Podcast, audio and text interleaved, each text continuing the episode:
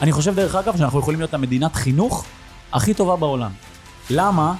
אנחנו חיים בתוך מציאות שכל מי שמסביבנו לא רוצה שנהיה פה, שאין לנו ברירה, אנחנו צריכים לגדל פה דור חזק, מאוד. דור ערכי, דור שמחובר לשורשים שלו. למה שלא נהיה מדינת חינוך מספר אחת בעולם?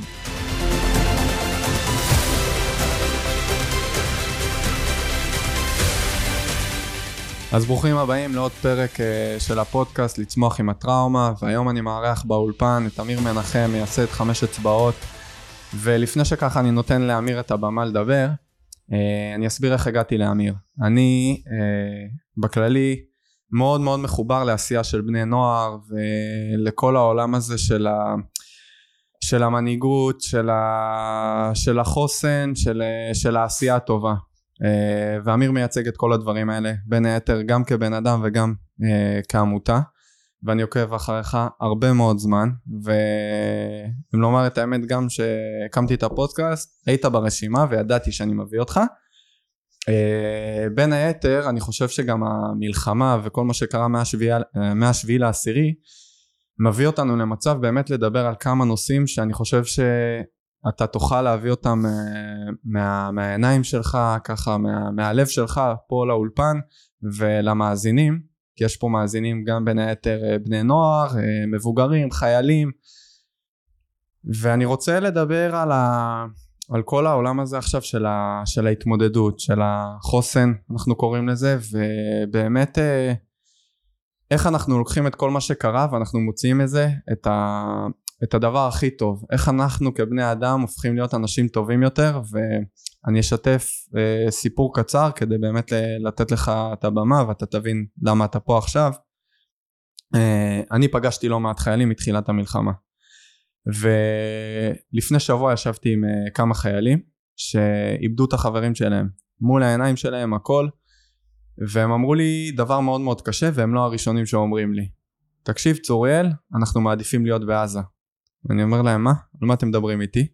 והם אומרים לי אתה יודע אתה נמצא בעזה יש אחדות יש משהו מאוד מקרב אה, חברים אה, ביחד אין אה, דעות ואין שום דבר ופתאום אתה מגיע לפה ואתה רואה שעדיין מריבות ועדיין ענייני פוליטיקה ו- וכאוס ו- ואתה הולך במדינה ואתה אומר כאילו על מה אנחנו נלחמים אז בין היתר זה נושא שמאוד מאוד חשוב לי ואני יודע שהוא מאוד קרוב ככה ללבך כן. אז אה, זהו, אני אתן לך את הבמה, אמיר, ושוט. אז קודם כל נתחיל בך רגע, ש... מאוד שמח להיות כאן, ואני עוסק אה, בתקופה האחרונה לא מעט בסוגיית מנהיגות, ואני חושב שתכונת הבסיס בעולם המנהיגות זה, זה אומץ, אומץ לב אמיתי. וכשקצת למדתי את הסיפור שלך, ואתה יודע, מן הסתם גם בדקתי קצת עליך יותר לפני שבאתי, כי עניין אותי, אני חושב שאתה בן אדם עם המון אומץ. ועצם היכולת שלך לחשוף מציאות כל כך מורכבת שעברת ושיש לך עכשיו את הפודקאסט הזה גם שנותן עוד יותר במה בדיוק אתמול בערב חזרתי מהרצאה במכינת עלי, בני דוד. מדהים. חזרתי ב-12 בלילה משם, היה לי שם ערב מטורף, אפשר רק על זה לדבר היום הרבה. ואז היה לי איזה שעה בדרך, אז שמתי את הפרק הראשון שלך פה בפודקאסט. ותשמע, יש לך סיפור שאתה פשוט בוחר בעיניי בצורה מאוד מאוד אמיצה, להתמודד איתו דרך השראה לאנשים ומעריך אותך ושמח להיות כאן. אני מעריך, אני מעריך אותך, אה, אתה יודע, הבכת אותי קצת, אבל אני, אני לומד לקבל את זה. אה, ואני באמת באמת כל כך שמח שאתה פה, כי אני חושב שאנחנו יכולים לתת פה הרבה מאוד דברים וכלים מאוד אה, גם פרקטיים בסוף לאנשים, כי בסוף אתה יודע, אני רוצה שבן אדם שמקשיב עכשיו, מבחינתי אני אומר תמיד, בן אדם אחד ששמע את הפרק והצלחנו לגעת בו, כן. לשנות לו תפיסה, להציל לו את החיים, מבחינתי עשינו את שלנו. כן. אה, וכן, אני רוצה שניגע דווקא מהמקום שלך. אה, היום, אתה יודע, פונים המון אנשים וכולם אה, עכשיו עם הקשיים וכל אחד אה, חווה טראומה בצורה כזו או אחרת, מה לעשות. אני תמיד טענתי שאנחנו, כל בן אדם שני במדינה פוסט טראומטי ועכשיו בכלל בלאגן. מה, מה אתה אומר עכשיו לצורך העניין לכל החניכים שלך, המתאמנים שלך? מה, מה אתה אומר להם בסיטואציה כזאת? אז אני אתחיל רגע במילה על עצמי. אני באופן כללי חושב שלמאזינים שלנו שגם רוצים לדעת להוביל, לפקד, כי אני מאמין שקהל המאזינים פה בסוף זה אנשים שרוצים להשפיע, כדי להשפיע על בן אדם אתה צריך לדעת את הסיפור שלו. אז כדי נכון. שישמעו תכף את הדברים שאני אציג פה ואדבר עליהם, שיבינו בקצרה את הסיפור שלי, גדלתי בירושלים, גיל 14, עברתי לרעננה, אני מה שנקרא באתי כירושלמי לרעננה, ואני גם ב... נולדתי בבית שהוא חצי מרוקאי חצי גרמני, או, אז, אז אני יצור מורכב, אז זה כבר משהו חשוב. אה, ההורים שלי הם אנשי חינוך, ועל זה אני אומר תודה לאלוהים, כי גדלתי בבית שאימא ואבא שלי מעל הכל אוהבי אדם, לפני אידיאולוגיות גדולות ולפני תפיסות עולם, קודם כל פשוט אוהבי אדם, אה, ועל זה גדלתי. אה, עסקתי בספורט, הייתי כדורסלן, רץ למרחקים בינוניים, זה בנה לי מושג רץ מאוד מהר, חשוב לציין, רץ מאוד מהר. הייתי בסדר. אה, אבל כן, קיבלתי ספורטאי פעיל דרך אגב, דרך ריצה, יכלתי להמשיך קריירה של ספורטאי. אה, בבית שגדלתי בו לא הייתה האופציה הזאתי. חיים במדינת ישראל. אה, במדינת ישראל אם אתה לא גדל כאיזה סטאר על, איזה דני עבדיה כזה, לך תעשה שירות צבאי, ולא הייתי דני עבדיה. מי שלא רואה אותי פה אני לא כזה גבוה, וגם לא כל כך מוכשר. ומשהו שחשוב להגיד שהספורט, כי אני חושב שספורט זה כלי. אני לא כל כך מעניין אותי היום ספורט הישגי. אמ, ספורט זה כלי לדבר כל כך חשוב בחיים שקוראים לו ביטחון עצמי. חוסן, מסוגלות, אנחנו תכף ניכנס לסוגיות האלה. נכון. לי הספורט נתן את זה בתור ילד, תוסיף את החינוך שקיבלתי בבית, ותוסיף את זה שאני חושב שהיה לי מזל שהייתי בסביבה נכונה בחיים שלי. וזה בתור ילד נתן לי איזשהו בסיס, אמ, אני אומר את זה להורים שמאזינים לנו שיכולים לחשוב איך הילדים שלהם גדלים, להיות בן אדם שבגיל יחסית צעיר די מאמין בעצמו. לאן אני אקח את זה, מה יקרה עם זה, אני לא יודע. הגעתי לשירות הצבאי שלי ששירתתי בשייטת, התחלתי שם ככה מסלול, והרבה דברים שגדלתי עליהם התחברו לי. הרגשתי שזה מקום שמאוד מתאים לי, ל-DNA שלי כבן אדם, וצמחתי שם. שני דברים שמאוד השפיעו עליי בשירות שלי זה שאיבדתי בן מחזור אה, ארבעה חודשים לסוף מסלול גל אזולאי, וחודש אחרי שסיימתי מסלול הייתי ככה, לקחתי חלק כלוחם, מפקד צעיר מאוד, באירוע של המרמרה למי שזוכר. אה, כן. במאי 2010. עכשיו שני האירועים האלה, שזה אירועים קשים, מי אני שיגיד למישהו כמוך אירוע קשה, כן? לא, כל אחד אבל בסיפור שלו. זה אירועים, נקרא לזה, מורכבים לבחור צעיר, גרמו לי בשלב מאוד מוקדם של השירות שלי, להבין שאני בתוך מערכת סופר מורכבת, שזה ממש לא משחק ילדים, הרבה נוער שמקשיב לנו מגיע לצבא כי זה טוב לו לטייטל, וזה נשמע מגניב, וזה טוב לו לקורות חיים אולי, 8200. אני הבנתי בשלב מוקדם שאני לא כאן כדי להיות גבר, ושזה לא מגניב לאיפה זה יבנה אותי. אני כאן כי צריך במדינת ישראל חיילים חזקים טובים, ואני בכמה שנים האלה, אני לא יודע מה יקרה בשלב הבא, אולי אני אשאר בצבא כקריירה צבאית, צריך להיות פה קודם כל מקצוען. ומעבר למקצוען אני צריך להיות פה עם איזושהי הבנה גם למה אני כאן. וזה גם מה שהוציא אותי לשלב הבא בשירות שלי שזה קורס קצינים. אמ, פיקדתי על צוות מסלול, שם אני חושב די הבנתי אה, שמה שמעניין בחיים זה עיסוק בבני אדם. ובשנת 2014 ככה החלטתי להשתחרר אחרי הרבה דילמות, הייתי שש שנים סך הכל בצבא, ואמרתי שמה שהכי מעניין זה עיסוק בבני אדם, עיסוק בבני אדם מעל הכל בעיניי זה חינוך, וחינוך, הדרך הכי טובה זה דרך ספורט, זה דרך הגוף, זה דרך הפיזי. וככה בא הרעיון להקים את חמש אצבעות, שאז היה רעיון נורא נורא קטן, היום זה הפכה לתנועה גדולה שנוגעת באלפי. כן, באלפי אנשים, ואף אחד לא דמיין את זה, כן. ואבא שלי ואני בשנת 2014 הקמנו יחד את חמש אצבעות, שהרעיון דרך אגב היה דרך פעילות פיזית, פעילות גופנית, לפתח אצל בני נוער מרכיבים כמו מצוינות, כמו חוסן, כמו כישורים במנהיגות תקרא לזה, ומעל הכל ערכים.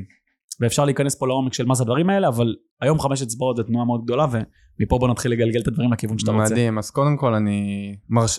תשמע, אתה מרשים מאוד. אני פוגש הרבה מאוד אנשים.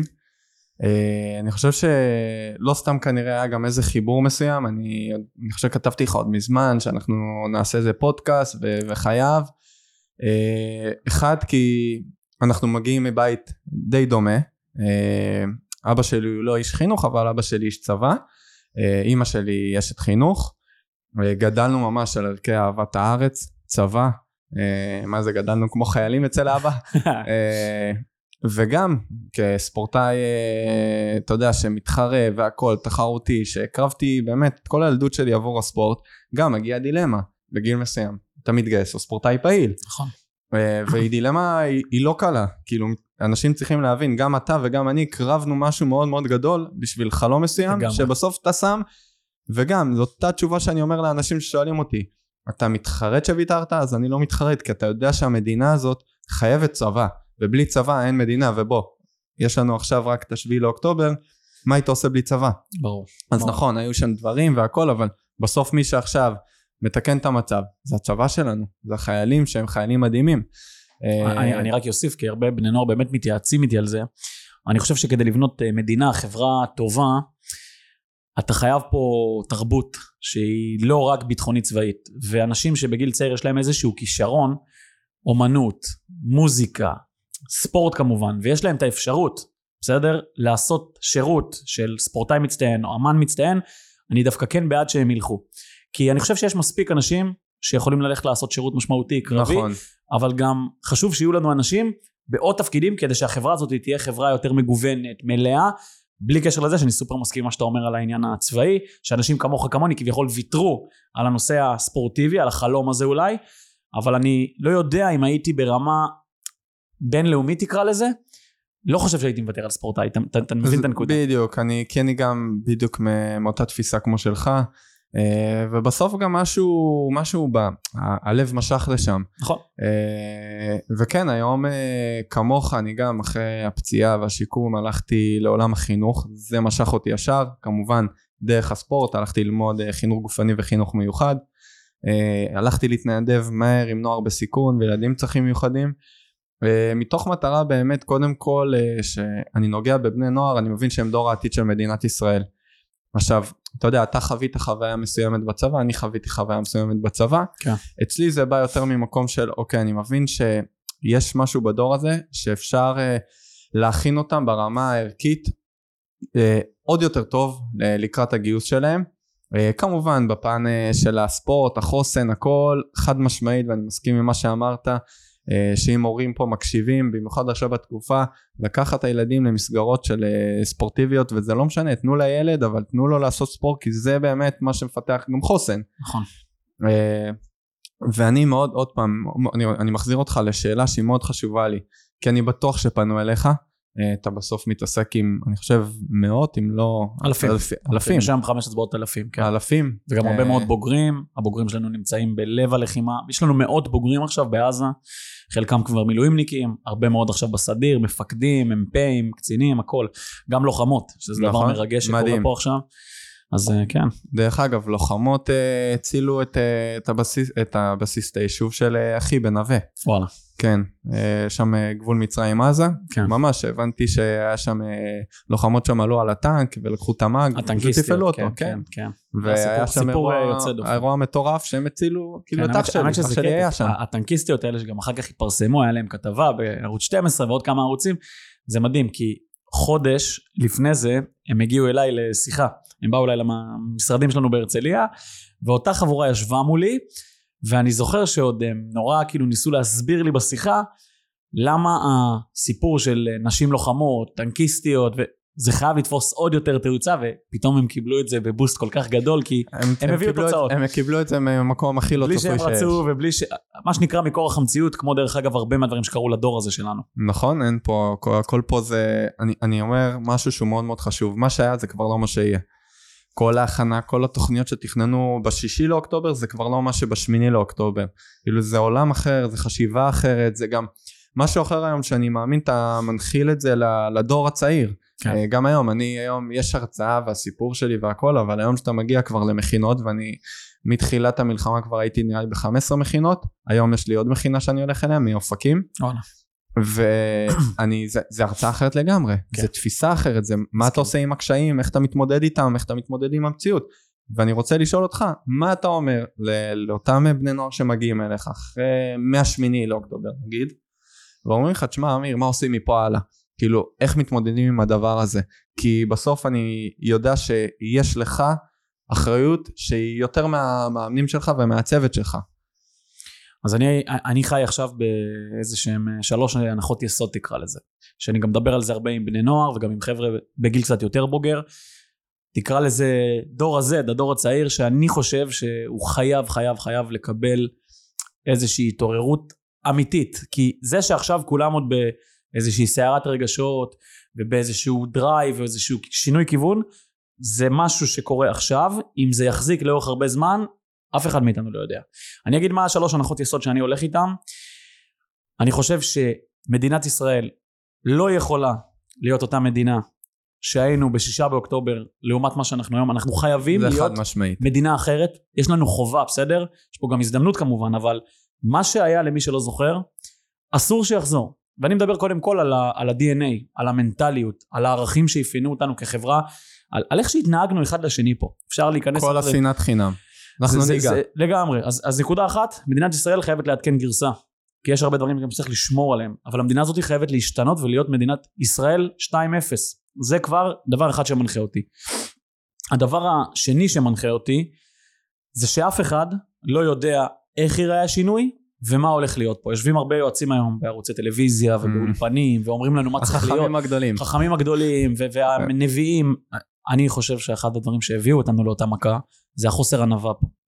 אז אני מגיע מתוך נקודה עם הרבה מאוד ענווה אישית, כי אני גם שואל את עצמי מה האחריות שלי על מה שקרה במדינה, על מה שקורה עכשיו, ואני חייב להגיד לך שאני לא יודע לאן הולך השינוי, לכן יש פה מלא הזדמנויות.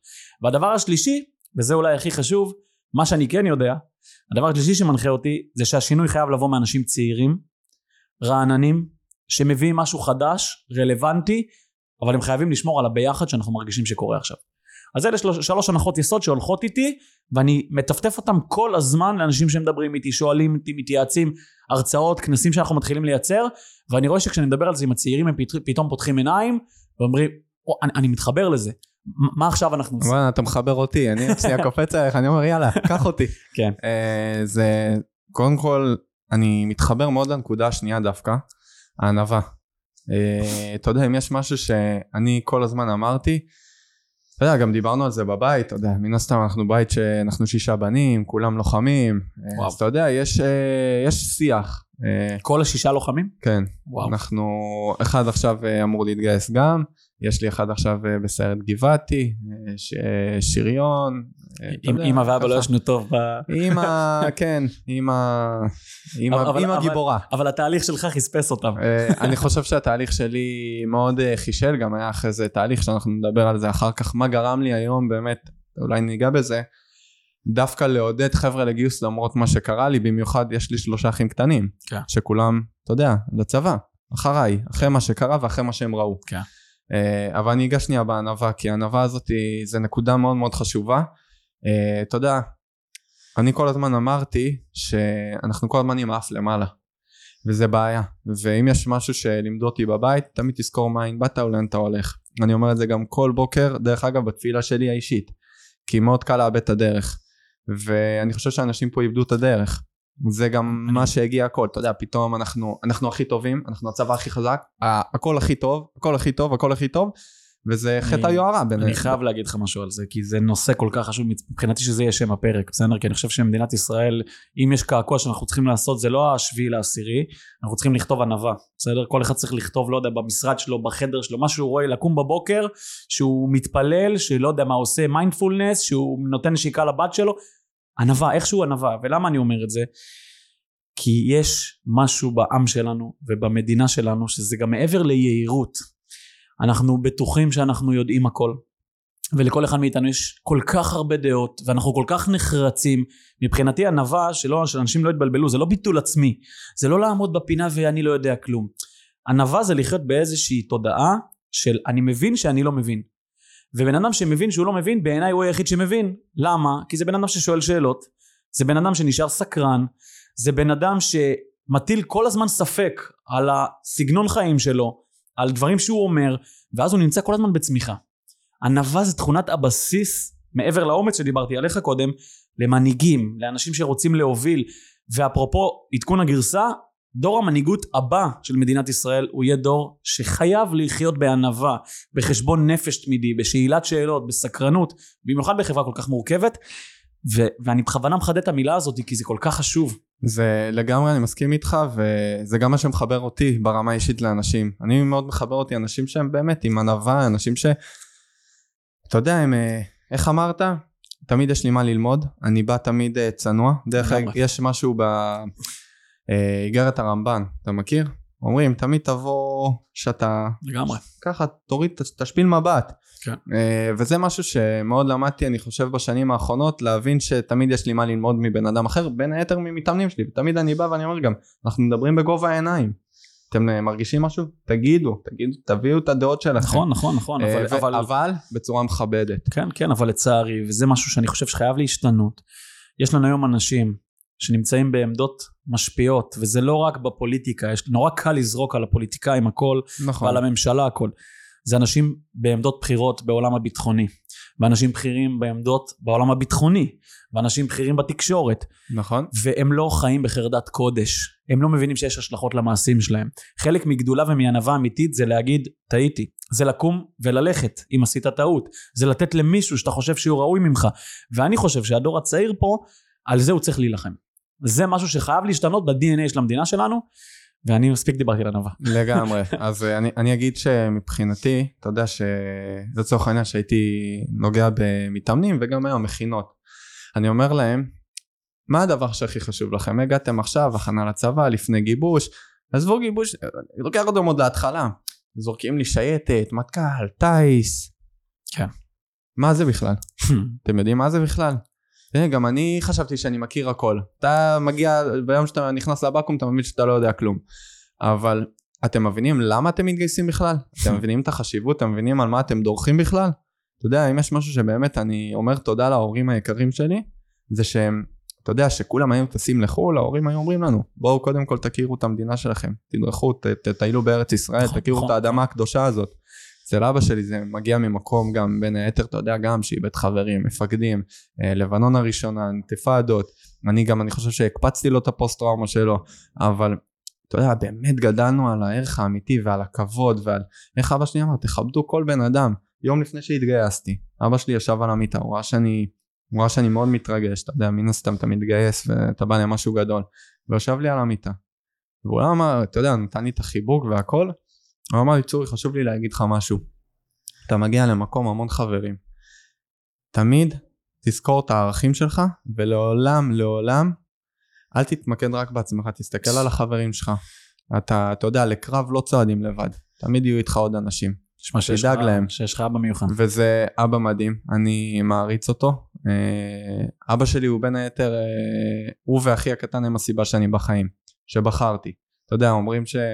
שאני אומר לאנשים לבחור בחיים אה, אנשים שהם בדיכאון והכל אני אומר יש לכם לפחות בן אדם אחד ששווה לכם לחיות למענו וואו. אצלי זה היה באותה תקופה כן. אחי הקטן שהוא היה בן תשע וחצי ואבא שלי וואו. אה, וזה זה ממש המקום הזה ואני אחזיר אותך לכושר קרבי ולמכינות והכל אני אומר להם חבר'ה אתם יודעים זה בצבא זה טוב לרוץ מהר זה טוב הכושר הסיבולת והכל. אבל הדבר הכי חשוב זה מה הערכים שאתם באים איתם לצבא. האם אתם אה, יודעים מה זה להיות חבר טוב? האם אתם יודעים לצאת שנייה מהקושי של עצמכם? כי אנחנו כל הזמן מסתכלים על עצמנו בתוך הקושי ואנחנו מאוד מאוד ממוקדים בקושי של עצמנו כמו שתשים את כולם מצב שתיים עכשיו אתה מכיר את זה? כן. אתה יודע מתחיל אחרי חמש דקות והידיים קצת מתחילות להתעייף בטח. ורעידות והכל מי הראשון שמרים את הראש מסתכל ימינה. שמאלה ונותן חיוך או מילה טובה לחבר או לחברה זה מבחינתי זה שווה הכל זה, זה החוזק שלכם זה עם זה הולכים כן. בסוף לקרב ולפעילויות ולהכל אז, אז בוא נדבר למה הם רוצים להגיע לכל היחידות עם הטייטלים הטובים, כי זה, זה חשוב. באופן כללי, אני, הפודקאסטים שאני שומע, הספרים שאני קורא, התכנים הטובים שאני צורך, מה זה תוכן טוב בעיניי? זה תוכן שמוציא אותך עם יותר שאלות מתשובות. אז הפרק הזה, מי שישמע אותנו, אני רוצה שיצא עם שאלות. ולכן אנחנו לא ניתן פה דברים חד משמעיים על כל דבר, אלא נפתח פה את הראש לאנשים. כן. בשביל להבין למה בן אדם מתנהג כמו שהוא מתנהג, צריך רגע להבין את הרקע ואת המניעים. אני, הדבר הכי טוב שקרה לי בחמש אצבעות, וזה הרבה דרך אגב בזכות אבא שלי, שבאתי אליו בשנים הראשונות שהקמנו את החמש אצבעות, ואמרתי לו, אבא, תוכנית עסקית, ואיפה אנחנו רוצים להיות בעוד חמש שנים? באתי לו, אתה יודע, דור ה-Z, אנחנו כן. כותבים דברים נורא נורא כמו יפה. אימון מנטלי כזה כן, חמש, כן. טק. ואבא, תקשיב. תקשיב, תקשיב, תקשיב, תקשיב, אני סו זקן. אני מהדור, אני אולד סקול. קודם כל, אמר, תחרוש את האדמה. תבין מה קורה. מי אתה בכלל שאתה הולך לחינוך? מי אתה שאתה רוצה לדבר על חוסן ומנטלי? שמ- עברת דרך בחיים? אמיר, תבנה מלמטה, תכיר את הדור, נבין מי הם, לאט לאט נבנה תיאוריות. ובשנים הראשונות חקרנו, באמת באמת חקרנו. מה מאפיין את הדור הזה? מה, מה, מה, מה הם עברו, ו, ויש כמה דברים שמאוד מאפיינים את הדור החדש. קודם כל העיסוק המרכזי, וכמובן אני מכליל, כי אי אפשר לדבר בפודקאסט נקודתית, נכון. אלא על דור שלם. הדור היום, וזה תוצרים של מה קרה בעולם, וההתפתחות הטכנולוגית, והמהירות שאנחנו חיים, וקצב השינויים, זה דור שהמניע המרכזי שלו זה ערך עצמי. קודם כל, מה תופסים, איך תופסים אותי, מה חושבים עליי, ולא הערך הקולקטיבי, לא מה אני נותן, אלא מה אני מקבל. וצריך להבין למה הם רוצים את היחידות נכון. האלה, ולמה הם רוצים להגיע להייטק כשם. קוד, ולמה הם רוצים... ההסללה במדינת ישראל שקוראים לה מצליחן, זה טייטל, זה כסף, זה מעמד, זה לא ערכיות. אולי יש מקומות מסוימים, אני, אני אשמח להגיע נכון. לראות, זה, זה מיעוט. דבר שני שמאוד קשור בדור הזה, יש את המושג שאתה בטוח מכיר מעולם הפסיכולוגיה, מיקוד שליטה. זה דור שמאופיין במיקוד שליטה חיצוני. איך הוא נתפס, איך רואים אותו. מיקוד שליטה פנימית זה אומר אני משפיע על מה שקורה לי בחיים. היום לא הצלחתי, מעולה, מחר אני יכול לתקן, כי אני שולט במה שקורה לי, אני כל הזמן מסתכל כלפי פנים. ודבר שלישי, יש, תקרא לזה חשיבה תוצאתית מול חשיבה תהליכית. אתה בן אדם שבגלל מה שאתה עברת, יש לך חשיבה תהליכית, אתה מבין שהכל הוא חלק מדרך. זה אנשים שצומחים כל הזמן. הדור הצעיר מאופיין בחשיבה תוצאתית. כאן ועכשיו. אני רוצה שייטת. למה? למה שייטת? אתה יודע כמה ילדים באו אליי? אני רוצה להתקבל למכינה שלך. למה? למה? למה? כי זאת מכינה שמתקבלים ליחידות טובות. כי, כי פה אה, יש אה, כושר. שנייה, שנייה. ואם יהיה פה לא כזה מגניב כמו שאתה חושב? ואם יהיה פה מורכב? פתאום כאילו אתה גורם להם... אתה נותן להם שאלות. אז, אז צריך להבין שזה לא דור שאשם בזה, זה העולם שלתוכו הוא גדל, שנמדדים נכון. על לייקים בפייסבוק, ונמדדים על כמה כסף יש לך בחשבון בנק, והכל הפך לחיצוני היום, והתמונה ואיך הוא מצטלם. אז הם נורא נורא נורא עסוקים בחוץ, בעטיפה, ולא, ולא בבפנים. אז מה האתגר שלנו, האנשים שנמצאים בעולמות החינוך, והטיפול, וההשפעה, ו... לגרום להם להתחיל להיכנס הרבה יותר פנימה. פנימה. ואז הוא לא ישאל את עצמו, שייטת, אה, מטכ"ל, טיס, מה היתרון שלי ואיך אני מביא ערך. אז מה זה משנה אם זה שריון, או מה זה משנה אם זה הנדסה קרבית, או מה זה משנה אם זה בכלל לא תפקיד של לוחם, כי אני יותר מתאים ספציפית אולי לצילום בעולם הצבא. נכון? אבל זה דורש חינוך שמלמד הכלת מורכבות, שמלמד חשיבת עומק, וזה אתגר אדיר עם הדור הזה, אתגר אדיר. זה אתגר אדיר, ואתה גם מביא אותי לנקודה, ואני חייב להיות כנה פה גם למאזינים, גם לך, לכולם. אני מאוד מאוד הייתי עם ערך עצמי, מאוד נמוך, אחרי הפציעה. אה, ואני בכוונה עכשיו מחבר לנקודה, אני לא חושב שנגעתי עליה יותר מדי. אה, קודם כל, אני במשך שנתיים הייתי בטוח שאני אישה.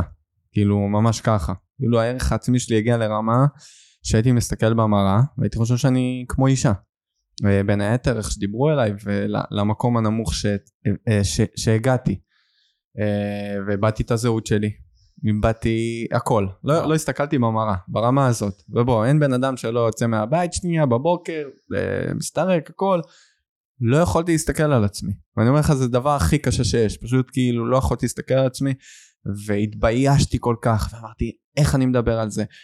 ואיך אני אומר מה שקרה לי? ואתה מרגיש ב- ב- ברמה זה, זה, זה מתחת לערך עצמי. ורק ביום רק ביום ושאני אומר את זה בהרצאות על הנקודה הזאת שכל בן אדם הוא ייחודי כל בן אדם הוא יחיד ומיוחד תסתכלו ימינה שמאלה אין מישהו כמוכם. כן. אתם כל, כל אחד הוא גוון מיוחד ואנחנו צריכים להביא את הגוון הזה לעולם כי הוא יחיד ומיוחד וזה המתנה שלנו ואני ישבתי בין היתר אה, אחרי איזה ניסיון אובדנות שהיה לי של הניסיון האחרון גם אה, אני לא שם בכלל זה כאילו רואים. ו... מרגישים. כן ושישבתי שם וזה היה אותו היום גם שבחרתי בחיים וזו בחירה מאוד קשה כמה שאנשים חושבים שלבחור בחיים זה דבר קל לקום בבוקר איזה חיים בכלל אתם קמים. כן. ישבתי ואמרתי חייב להיות משהו מיוחד חייב להיות משהו משהו תפסיק להסתכל על מה, זה שיגידו לך אולי אה, איך ישפטו אותך על הסיפור. די זה החיים שלך. אז מה אז כל החיים אתה תהיה סגור בתוך החדר? ופשוט אמרתי לא מעניין אותי אף אחד אני יוצא עם הסיפור שלי. ואז שם בעצם פתחתי גם עם כתבה ראשונה והכל והוצאתי. והתפרקתי התפרקתי לרסיסים. אני זוכר שהייתי מדבר בהתחלה על ה... על הפציעה הייתי מתפרק, הייתי, כן. מה, זה כאילו זה היה ברמה, הייתי נכנס להתקפים ומתחיל ראו לדחוף את את זה הראש באח- בקירות. באחת הכתבות שיצאה. כן, כן. ו... ולאט לאט בניתי את זה, כי הפס- הפסקתי קודם כל, מה, מה כולם רוצים, וכולם, את, אתה יודע כמה אנשים, אף, אחי, אנשים לא חשבו שבכלל שאני אתחתן. אה, כל כך הרבה אנשים לא, לא האמינו בדרך שלי ובדברים, כי אתה יודע, בין היתר רופאים אומרים שאתה לא תחזור לרוץ יותר, אני תקופה ארוכה קיבלתי אוכל מהווריד וקופסאות שימורים של אנשור, כאילו זה, זה היה רמה כל כך נמוכה, אתה יודע, בוא, אני אקח אותך, אבא שלי היה עוזר לי לעשות שירותים, כן. יש יותר נמוך מזה, הגעת לתחתית של התחתית. ומשם התחלתי לבנות לבד, ביום שהפסקתי להסתכל מה יחשבו, מה יגידו, מה אמרו לי, ניתקתי את המחשבות והתחלתי ליצור את החיים שלי. מדהים. והבעיה של אנשים שהם כל הזמן חיים חיים של אחרים. מטכ"ל, למה מטכ"ל? כי כולם אומרים מטכ"ל זה הכי, סליחה, זה סקסי, או שייטת זה סקסי. נכון, נכון, זה טוב לא. לערך העצמי שלי. בדיוק, הערך העצמי. אבל רגע, מה אם שנייה תסתכל על מה אתה מביא, איך אתה מביא. הרי גם אם אתה תהיה, סליחה, חלילה אני לא מזלזל, אבל בשקם. אבל אתה תהיה מבסוט, ואתה תביא את עצמך שם, ואתה תחייך לבן אדם שאתה נותן לו את האוכל, ולחייל שמגיע גמור מהשטח ותיתן לו עם חיוך. נכון. אולי זה, זה הדבר המשמעותי כן. שלך יעשה טוב. אבל, אבל כדי שרגע נחזור לקרקע, כי השיחה הזאת שאתה ואני מפתחים פה היא באמת אחרי הרבה תובנות ואחרי דרך שעברנו. במבחן המציאות, בשביל להביא אנשים עם ביטחון עצמי אמיתי, טהור, כמו זה שאנחנו מדברים עליו, שבן אדם באמת יוכל להסתכל על מה הערך שאני בא לתת, מה זה משנה מה חושבים, מה שנקרא אני לא מעניין, הדבר אולי הכי כיף שאפשר להגיע אליו, אני לא מעניין, כאילו, נכון. אני לא כזה חשוב, אני לא כזה מעניין, לכן אני יכול לצאת ולשחק את משחק החיים, נכון? כי אם אני לא מעניין, אז היום טעיתי. הכל טוב, בלילה אני לא אתן לעצמי מכות. וההרצאה שהעברתי היום, לא הייתי כזה משהו, אז מחר אני פשוט אשפר אותה. בדיוק. אני לא מעניין, הכל טוב. אז העליתי פוסט, לא קיבלתי כל כך הרבה לייקים, בסדר, מחר אני אכתוב פוסט יותר טוב, אם חשוב לי, שייתנו לי לייקים. אבל כדי לא להגיע לזה, אתה צריך לגדול בתוך מציאות שיש לך סביבה שהיא תומכת, שאתה מקבל הכוונה מאנשים שבאמת מראים לך מה. חשוב בחיים, מה הערכים, ו- וזה האתגר החינוכי הגדול של הדורות הבאים. נכון? זה, ו- זה מאוד מעסיק אותי. ונגעת פה גם ב... אני חושב בעניין, אני חושב שעוד בפודקאסט הקודם רציתי, אבל לא, לא, לא הצלחתי לגעת לזה. אבל אתה יודע, כל הזמן נגעת פה בדור, אתה יודע, אומרים דור אה, האינסטגרם והפייסבוק הטיקטוק. והלייקים כן. והטיק טוק ו- וכולי. אה, אני לא אשכח שאני רציתי לעשות איזה משהו, ולא משנה, אני לא, לא אוהב להג... לומר לשון הרע, רציתי איזה מישהו, ועושה לי, טוב, כמה עוקבים יש לך? כאילו, ואז אמרתי, מה? כאילו, בגלל העוקבים, אתה, כאילו, זה, מה, זה המדד לשיתוף פעולה? ואמרתי, תראה לאן הגענו. הרי בוא, קודם כל אני מכיר כל כך הרבה אנשים שקונים עוקבים, וכל כך הרבה אנשים שהם ממורמרים עם 200 אלף עוקבים, וגם חצי מיליון, ואתה יודע שהחיים שלהם מאוד קשים. ברור. זהו שנייה מהתבנית הזאת, זה לא מעניין, איך אמרת? אתה אומר, אתה לא מעניין אף אחד? אני אומר לאנשים, חבר'ה, אף אחד לא מבטיח לכם את המחר. בואו תחיו את החיים עכשיו. עכשיו תחיו את החיים. כן, כן. אני זה- יודע טוב מאוד מה זה להיות שם והכל, והנה, היה לי כביכול הכל, ופתאום מצאתי את עצמי במיטות בבית החולים, מחלקות סגורות, מחובר למכשירים והכל, אה, וזה פתאום, פתאום זה כבר לא... זה...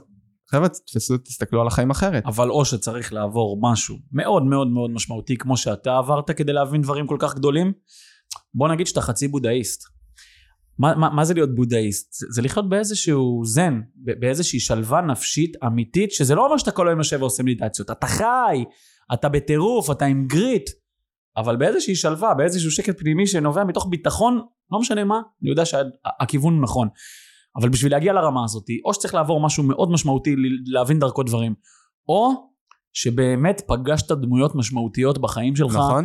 והיית במקומות הנכונים שהצליחו לבנות את זה אצלך, כי זה עבודה שמי ששומע אותנו פה עכשיו לא יחשוב שאנחנו פה איזה, מדברים על איזה מציאות מושלמת, זה עבודה ממש יומיומית. לא, ו- בכל יום. כן, ואם היום הבני נוער ביש- בישראל גדלים בבתי ספר, שבכלל לא מתעסקים איתם במה שבאמת חשוב, ומודדים אותם, המדד היחיד הוא על השיט הזה שנקרא תעודת בגרות, שלא מנבא כלום לגבי משהו שקשור בהצלחה, נכון. במשמעות בחיים שלנו, אנחנו מפספסים הכל. מפספ... אז, אז ממש צריך לשנות פה את היסודות של מה חשוב, מה האידיאלים החברתיים שלנו, בשביל שאנשים יחיו טוב יותר, נכון יותר, חיים משמעותיים יותר. נכון, קודם כל, חד משמעית זה עבודה מיסודות, ודרך אגב, אתה יודע, קודם כל, אנשים מבינים, ש... ונגיד את זה עוד פעם, אין, אין, אין מושלם פה, אתה יודע, אומרים ש... שהמושלם הוא מסיים תפקידו בעולם, אה, זה, לגמרי. זה המושלם, יש אנחנו כל יום בתהליך של בנייה, נכון, ואם נכון. כבר מדברים על עולם ההתפתחות אישית והכל, אני מאמין שמהיום שהגענו לעולם עד, עד היום האחרון שלנו, אנחנו בתהליך התפתחות. לגמרי. זה כמו בזוגיות ואנחנו יודעים שכל יום אתה מכיר את האישה יותר וכל יום אתה אוהב יותר וכל יום אתה אתה יודע זה, זה התפתחות כמו עם הילד והכל. אבל... אני אגיד לך עוד משהו על זה. יש מצב, ואנחנו ראינו את זה עכשיו בשבעה באוקטובר, ואנחנו רואים את זה יום יום, לתנועת חמש אצבעות, יש 12 נופלים. 12 נופלים מאז הלחימה הזאת, זה מספר ש... איפה יכלתי לדמיין ש-12 בוגרים שלנו לא יהיו בחיים בגיל 20, יש שם מישהו בן 19, גיא בזק, הוא לא היה שנה בצבא, לוחם בגולני, נהרג בשבעה באוקטובר. עכשיו מה אני בא להגיד דרך זה? אתה ואני, יש מצב, היום אני יוצא מפה, החיים שלי נגמרים. מי שמבין את זה, מי שחי בתפיסה, זה גם מה אנחנו משאירים אחרינו. ואם אתה חי חיים משמעותיים, ואתה עושה את מה שאתה אוהב ומאמין בו וגם עושה טוב, זה הולך אחריך עוד כל כך הרבה זמן. זה, זה נשאר, ו, ו, ולא צריך כל היום להיות בלחץ הזה של כמה אני מספיק, ורגע דיברתי, והוא כועס עליי. לחיות פשוט, ולהבין שמה שאנחנו עושים מהדהד עוד הרבה אחרים. לחיות, אבל גם לחיות כאדם טוב. אתה יודע, מעל אני, הכל. אם יש משהו שמאוד מאוד חשוב לי ביום יום שלי, כן, זה מורגש גם עליך. בדיוק אתמול אה, עם אשתי, אמרתי לה בערב, אני, היה לי שלושה ימים שהיה לי איזה עניין שהייתי חייב לסדר אותו, כי אני הרגשתי שפגעתי במישהו. ואני אומר, אתה יודע, אתה לא רוצה חלילה, באמת, אני, מה שמנחה אותי, אה, לא ללכת לישון בידיעה שפגעתי במישהו. לגמרי. אז מה עושים בשביל זה? בוא נהיה אדם טוב, בוא נהיה אנשים טובים עכשיו, אתה יודע, אנחנו, אה, הבני נוער, ו, וכל זה גם אנשים מבוגרים, יש לנו נטייה להתעצבן מהר, בין אם זה בכביש, גם אני מודה, לפעמים, אתה יודע, אתה ממהר, אז אתה, אתה לא שם נכון. לב, ואתה טאק, וכבר על ה, על ה... לוחץ על הצפצפה, ו... לנשום שנייה, להבין רגע, אה, להבין מה אנחנו מוציאים מהפה שלנו. כן. אתה יודע, הנה, אני אקח אותך אה, למשהו שמאוד מאוד חשוב, כי הרבה בני נוער אה, ניגשו אליי אחרי הכתבה. אה, אני קורא לזה עברייני, אה, גיבורי מקלדת, סליחה, יש לי שם חדש, גיבורי מקלדת, בן אדם שהולך וכותב משהו על בן אדם אחר, כן. ופוגע אותו. בין היתר, אה, ניסי, אה, התחלתי לקדם לפני המלחמה, וזה לא יצא למקום של חרמות ובריונות בתי ספר, כי... אני בין היתר עבדתי עם הרבה נוער שעבר חרמות והכל, אז כן, אני זה יודע, אני יודע מה זה משחית. כן, ואני עברתי גם משהו חברתי קשה, אז אני, אני יודע מה הכאב האדיר הזה, כי אתה יודע, יש אה, הלום קרב ממלחמת יום כיפור שהיה בשבי, שיצא לי לדבר איתו. ושאלתי אותו מה הדבר הכי קשה שהיה לך בשבי? הוא אומר, אתה יודע, דחפו לי מסמרים לציפורניים, מה לא עשו? שברו לו את הפיקות הכל. הוא אומר, הבדידות, זה מה שגמר אותי. וואו. תבין, אתה יודע איזה השלכות יש למה שאנחנו מוציאים מהפה, שאנחנו מנדים בן אדם, מנדים את החבר או משהו. אני כל כך חשוב לי אהבת חינם, כי בלי זה אין לנו, אין לנו משמעות במדינה, ופתחנו עם הסיפור הזה על החיילים מעזה, והכל. ו- ובואנה, רבאק, אנשים לא שולטים גם היום במה הם כותבים. הם לא מבינים, אתה יודע, לי אז כתבו, ואני אומר, בואנה, בני נוער, מתאמנים שלי אמרו לי, אחרי זה, מה, מה אתה חושב, כאילו, מה, מה, מה זה הדבר הזה? כאילו, אנשים כתבו לי אה, דברים כמו היה אוכל בתחת, איך זה לקבל בתחת, דברים כאלה. אתה אומר, בוא'נה, כאילו, מה קורה? עכשיו, אני כבר בערך העצמי ובביטחון, זה לא, באמת זה לא דגדג אותי. הסתכלתי על הבני נוער שמסתכלים, הסתכלתי על אנשים מסתכלים, על האנשים שעוד עברו והם אומרים, רגע, זה מה שיעשו לי? חבר'ה, שליטה, תשלטו בעצמכם, תשלטו במה אתם מדברים. אתה יודע, אני רואה גם באולפנים, זו, נגענו באולפנים ובכל הנביאים כן, שלה כן, שיש כן. לנו היום. חבר'ה, יש לכם ילדים עם חרדות, ילדים בני 6-7 שמפחדים לצאת מהבית, ואני אומר לך את זה, אני גר בתל אביב, יש לי חבר קרוב שאומר לי, תקשיב, בתל אביב, אמיר, האבא בא לצאת מהבית, הילד אומר לו, אל תצא, יהרגו אותך אבא. אז ומה זה קורה? והוא אומר, הילד שלי ראה חדשות, ומה, ו- והוא רואה את כל הלחץ התקשורתי, וכל ה- כל הדברים, וכל המלחמות שמנסים לייצר כל הזמן, כאילו, אני אומר, די, יודעים מה? גם אם יש אשמים, אתם נמצאים במלחמה עכשיו. מה אתם רוצים עכשיו שיעשו? כאילו, אנשים יעצרו את ה... כל הפוליטיקאים והכל, יעצרו הכל, נעצור את הכל, ו- ובואו ניתן תשובות לתקשורת ולמדינה.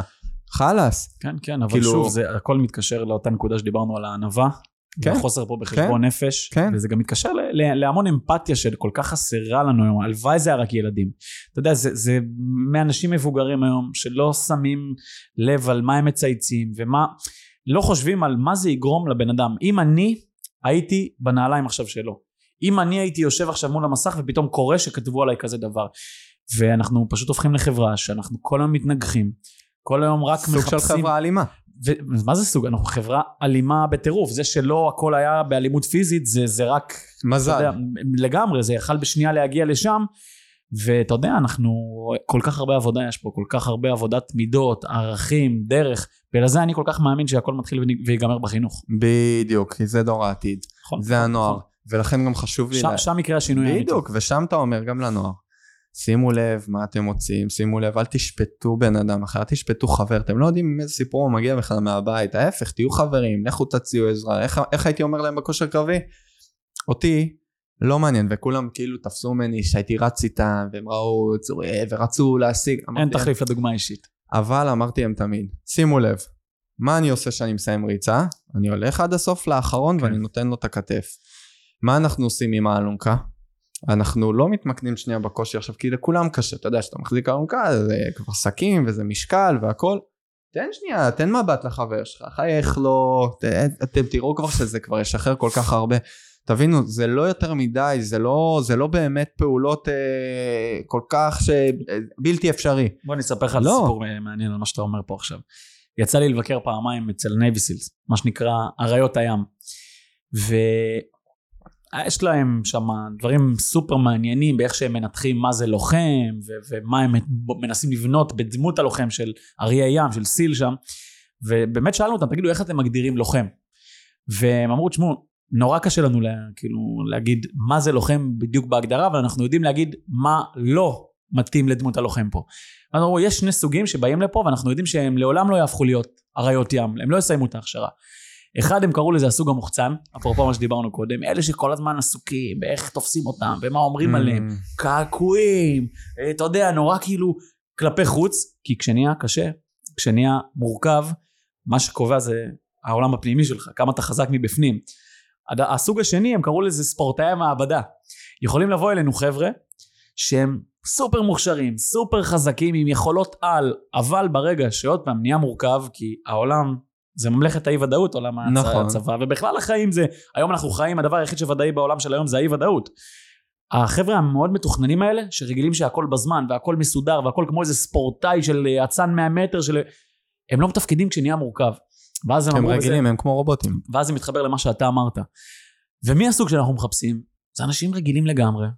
אין להם איזה יכולת או איזושהי תכונה יוצאת דופן, אבל זה אנשים שכשנהיה קשה, שנהיה מורכב, שדברים לא קורים כמו שחשבנו שתכננו, הם מרימים ראש, הם תמיד רואים את מי שסביבם, הם תמיד דופקים איזשהו חיוך, מסתכלים איזה מבט בעיניים, אומרים איזה משהו מצחיק, ואלה האנשים שאתה רוצה לידך ברגעי המאני טיים. אלה הלוחמים הכי טובים. אנשים רגילים לחלוטין, עם אטיטיוד, עם איזושהי מנטליות, שתמיד רואה את מי שסביבם, ו- וזה בדיוק מה שאתה אמרת על מה שאתה מנסה לחנך ב... ו- ואתה מבין כמה גם זה פשוט וכמה אפשר להביא אותו לפה, לא רק לצבא, בכללי. כי כן. זה, איך אמרנו, זה, זה נוער וזה מבוגרים. כי נכון. הרי מי מנחיל את זה? זה המבוגרים מתחילים את זה לנוער, ברור. והילדים, והחינוך בבית. ברור. ואתה יודע, אתה אומר אה, ש... אני, אני חוזר שנייה לערך עצמי ולהכל, שאמרת צריך מי האנשים, מי הדמויות שאתם מסתכלים עליהם. מי המודלים שלכם לחיקוי, זה כל כל כך הזמן, חשוב. זה הסביבה, זה הסביבה, לכו תהיו בסביבה טובה, בכללי זה לאו דווקא נוער, זה מבוגרים, אני אומר, לכו תיצרו לעצמכם סביבה טובה. אני יכול להגיד שניתקתי כמעט את כל החברי ילדות שלי. למה? כי הרגשתי שזה שואב אותי כל הזמן למקום של שליליות, של מקום שכל הזמן מה לא, ואתה יודע, הרבה תלונות, ואני לא יכול להיות בסביבה כזאת. כן. לא כי אני משהו ואני מישהו, לא, כי אני פשוט מאמין שיש דרך מסוימת שבה אני רוצה ללכת, זה דרך שאני רואה את העולם בתפיסה נכונה, חיובית. אני מסתכל על העולם כ- כמקום טוב, ואם לא הייתי מסתכל על העולם כמקום טוב, לא הייתי יכול אחרי כל מה שעברתי ל- להוביל אה, מתאמנים לצבא, ל- להכין מתאמנים ליחידה שאני נפגעתי בה, וכל כך הרבה, ו- ולעמוד בהרצאות והכל. לא הייתי יכול לעשות את זה אם לא הייתי, אה, המיקוד שלי לא היה מסתכל על הטוב. וברגע שאנחנו נסתכל על הטוב והמיקוד הזה ואנחנו ניצור באמת את הסביבה הנכונה הזאת, הסביבה הטובה, זה יביא לנו את הערך וזה, אנחנו גם הסביבה הטובה אני מאמין, שאתה נמצא בסביבה טובה הם לא כל הזמן, לא מעניין אותם כל הזמן התוצאות שלך חד ולא מעניין משמעית, אותם, חד משמעית. הם רואים אותך כמי שאתה ומה אתה עושה באותו הרגע. אני יכול להגיד לך שאנחנו עושים הרבה מחקרים והרבה בדיקות לגבי תהליכים שקורים בתוך חמש אצבעות, והמניע הכי משמעותי שמשאיר חבר'ה לאורך הרבה שנים בחמש אצבעות ולא גורם להם לפרוש בתקופות פחות טובות, זה לחלוטין המניע החברתי. כלומר, אם הם חלק מסביבה טובה, מקדמת, לא צינית, יש מושג שקוראים לזה ביטחון פסיכולוגי, כלומר סביבה שהיא בטוחה שאתה טועה בה, אף אחד לא מסתלבט וצוחק עליך. שאתה מצליח, מפרגנים לך ממקום אמיתי. תשמע, נורא קשה ליצור את זה, אבל כשיש לך קבוצה כזאת, אי אפשר לעצור אותך בחיים. אי אפשר לעצור אותך, כי, כי לא משנה מה, אתה יודע, זה, זה הגורם חוסן מספר אחד. בוא נשאל את עצמנו שאלה. חטיבת גולני, בסדר? פשוט הרציתי שם הרבה בתקופה האחרונה. מאז השבעה באוקטובר יצא לי לפגוש אותם.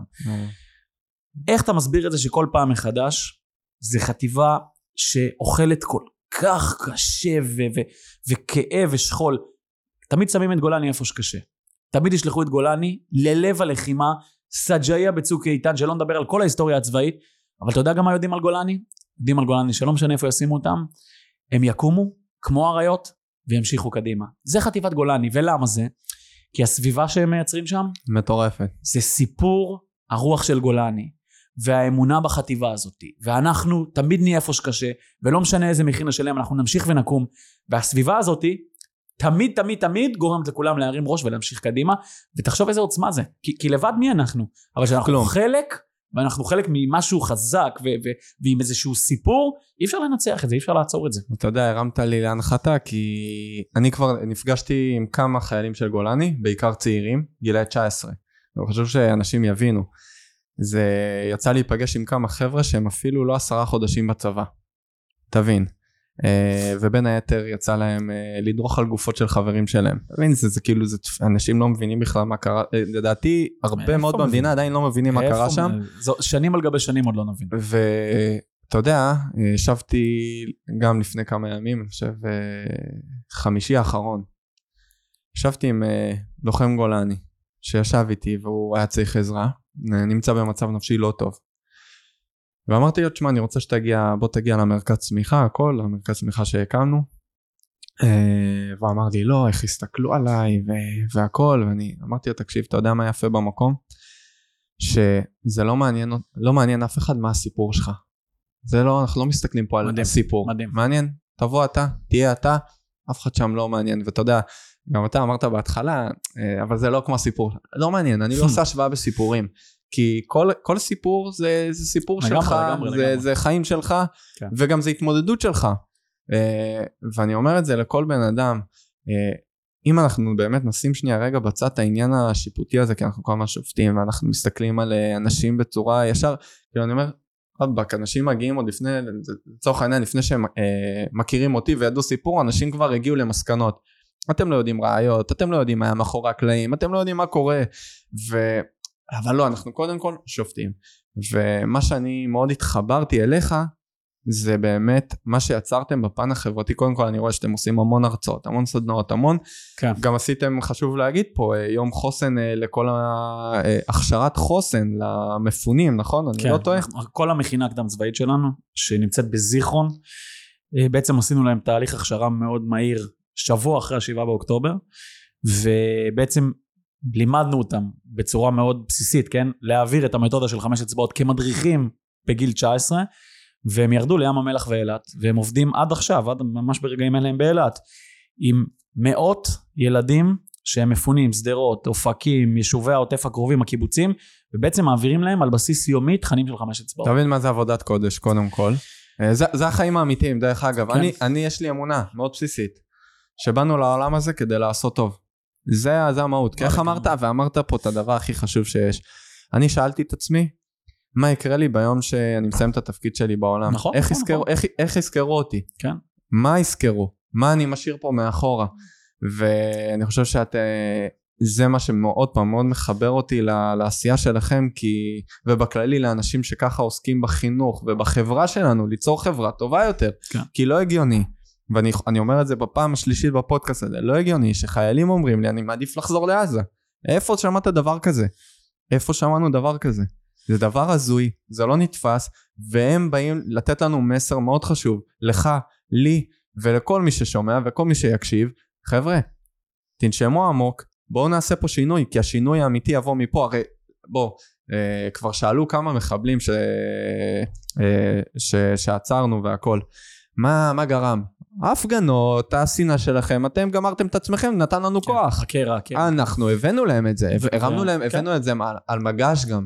נכון. ומי ו- ש, מי שאוהב לקרוא היסטוריה, כי אני חושב שהיסטוריה היא חשובה כי היא עוזרת לך לזהות מגמות. אנשים שרוצים להוביל צריכים לזהות מגמות. לא יהיה להם בהכרח את התשובה, אבל הם, הם יבינו מגמה.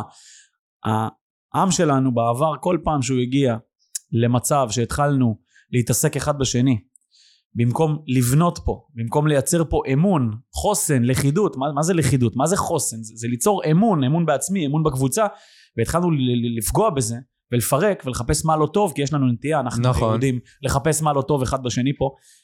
אז פשוט באו מבחוץ והתחילו לפרק אותנו, כי כבר- הכל היה מפורר. לא, לא היה הרבה מה, ואנחנו היינו מאוד מאוד קרובים לזה. דרך אגב, קטונתי כן, אבל אני חושב ש...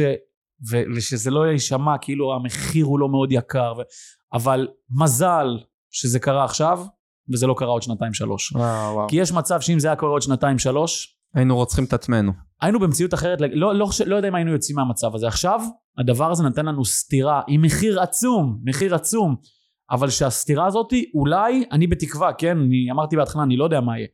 להתאפס פה, לעדכן גרסה מחדש ולזכור, חבר'ה, לא משנה מה, הסיפור המשותף שלנו, או הצו, הצוואה המשותפת של העם שלנו, זה תמיד להיות ביחד, ולשים את המשותף, ולא את המבדיל בינינו בפרונט. כי תמיד יש מבדיל.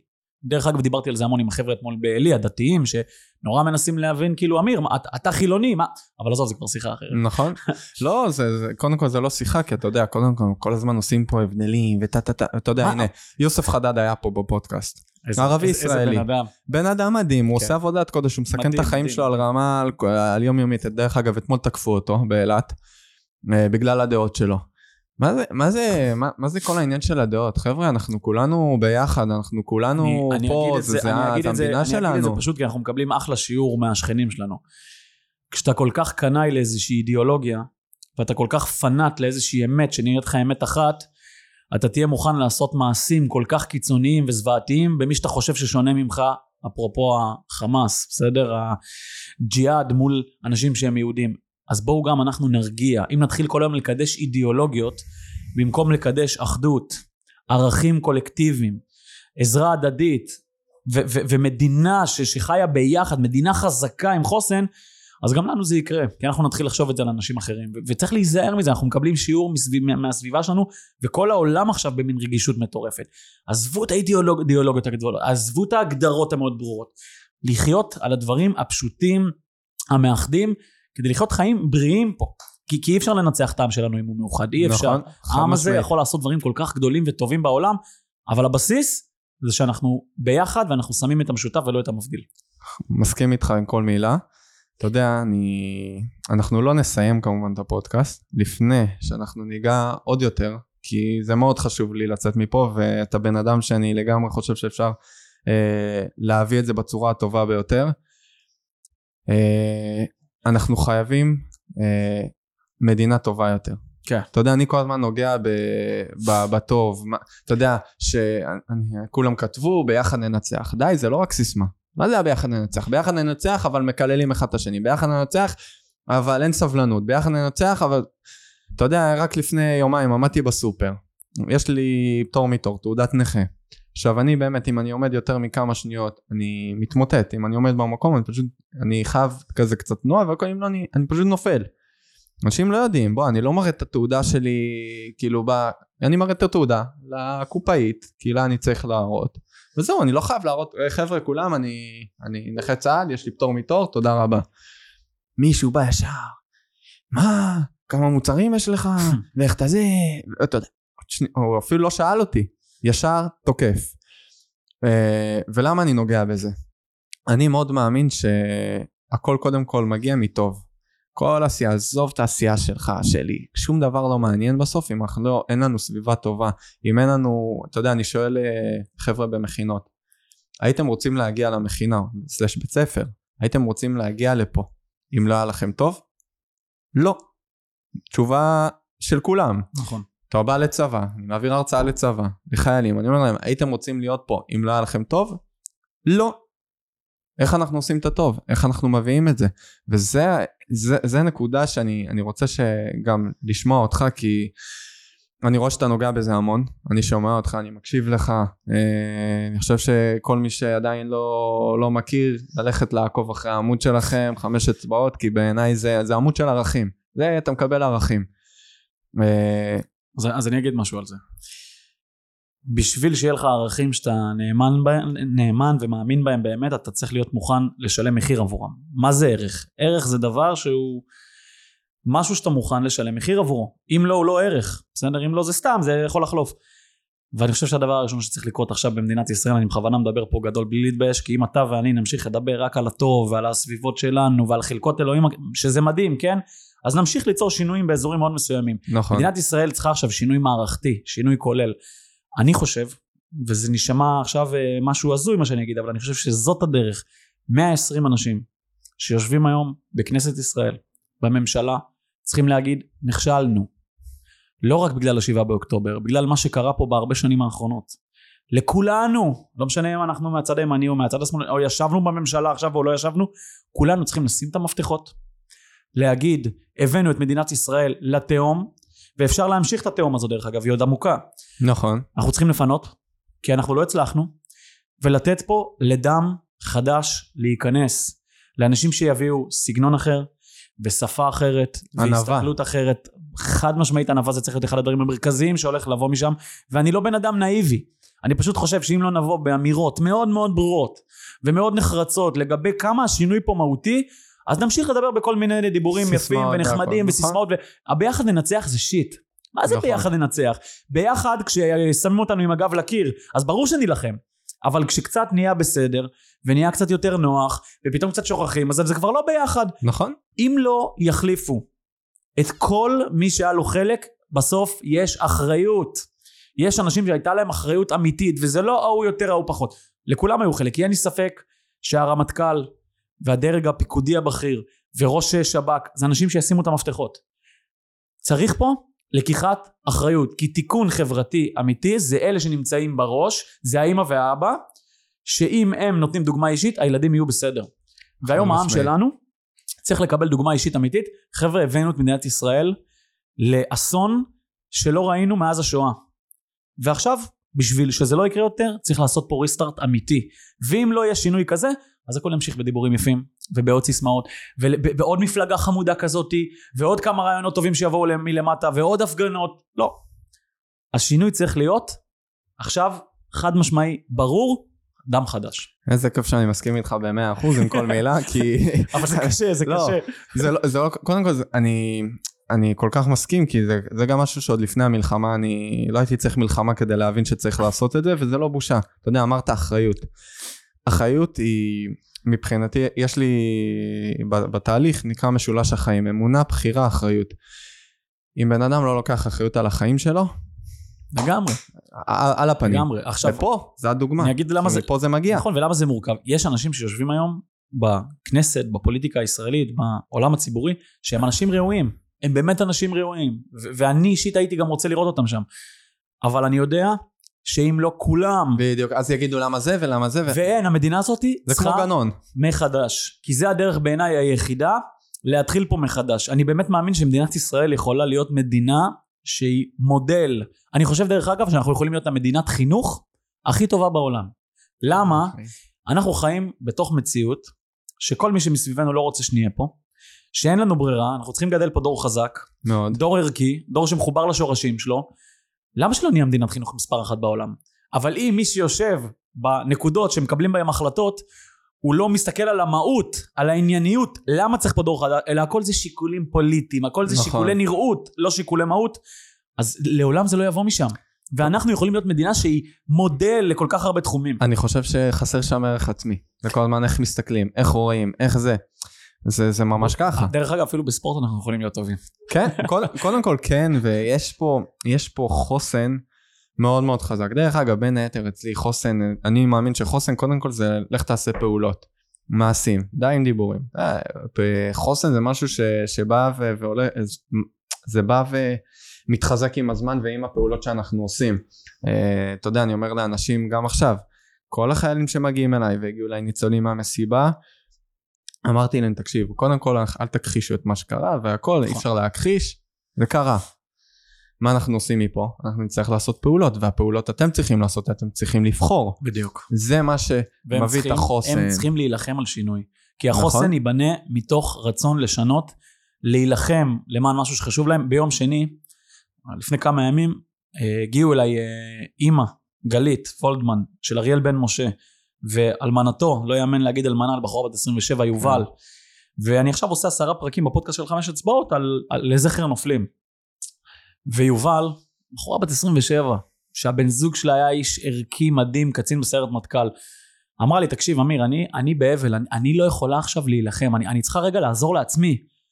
אבל אתם, הדור שלנו, אתם צריכים להילחם כדי שאריאל לא מת סתם.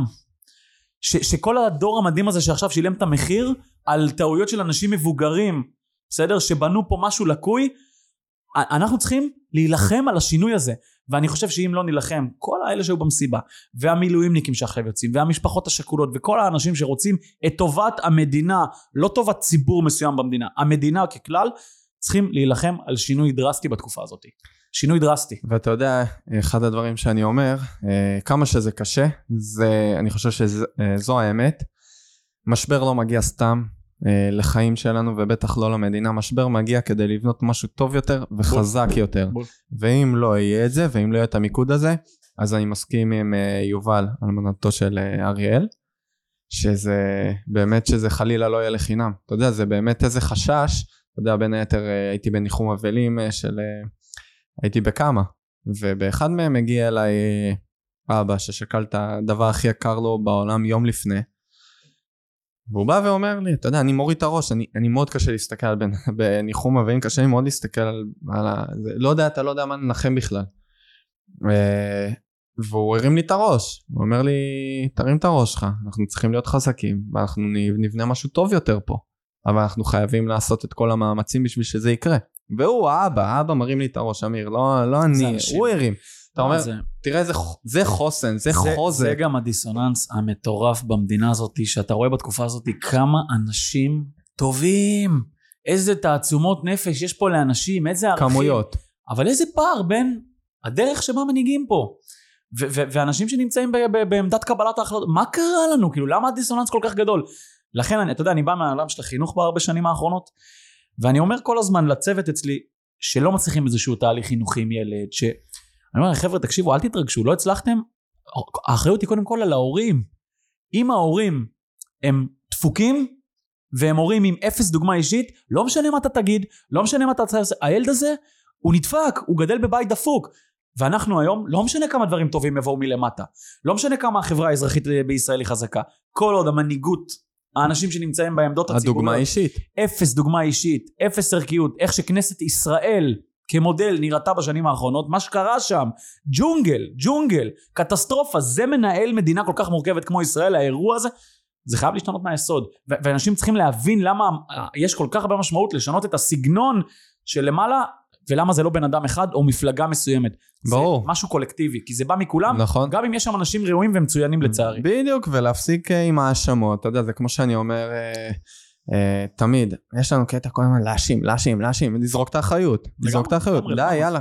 די, לא חייבים לעשות משם, פה משהו. אנחנו נמשיך להיות חברה שלא לקחת אחריות. בדיוק, ויותר מזה, לצערי, ואני אומר את זה, אני חושב שאם זה באמת לא ישתנה, השביעי לאוקטובר זה יהיה משהו קטן. לא, אני, תחשוב, אני תחשוב. מאוד, ואני אומר את זה בפחד, אבל מה הביא את השביעי לאוקטובר? כל הבלאגן וכל השנאת חינם שהייתה פה. אני אומר לבן אדם בסוף, אני, אני, אני, עם כל מה שעברתי בחיים, איך אפשר ללכת עם שנאה כל כך בגלל דעה? תגידו, מה קורה לכם? חבר'ה, אנחנו, אנחנו מדינה, עם ישראל, עם ישראל, זה, זה, זה. אני הייתי בהלם, אתה יודע, זה הגיע לרמה שאני רואה בסביבה אפילו קרובה של מריבות, מותר להגיד להביע דעות, מותר להגיד למה מה, כאילו, מה קורה? מה, אנשים צריכים לפחד להגיד דעה כי שחלילה לא ייתנו איזה סטירה ברחוב או משהו? מה אכפת לי, ימני, שמאלני, מה זה, מה זה הדבר הזה בכלל? זה לא מעניין אותי. מעניין אותי מי, מי, מה הבפנים שלך, נכון, נכון. מי הבן אדם. איך, איך שם הפודקאסט? מתוך טראומה. לצ... לצמוח עם הטראומה. לצמוח, לצמוח. זה, זה, זה, זה, כן? זה, זה מה שהעם שלנו צריך. לצמוח. כן, אנחנו... כי, כי יש פה טראומה אמיתית, ואנחנו צריכים למנף אותה. אני, אני אומר מעל הכל, למען אלה ששילמו את המחיר.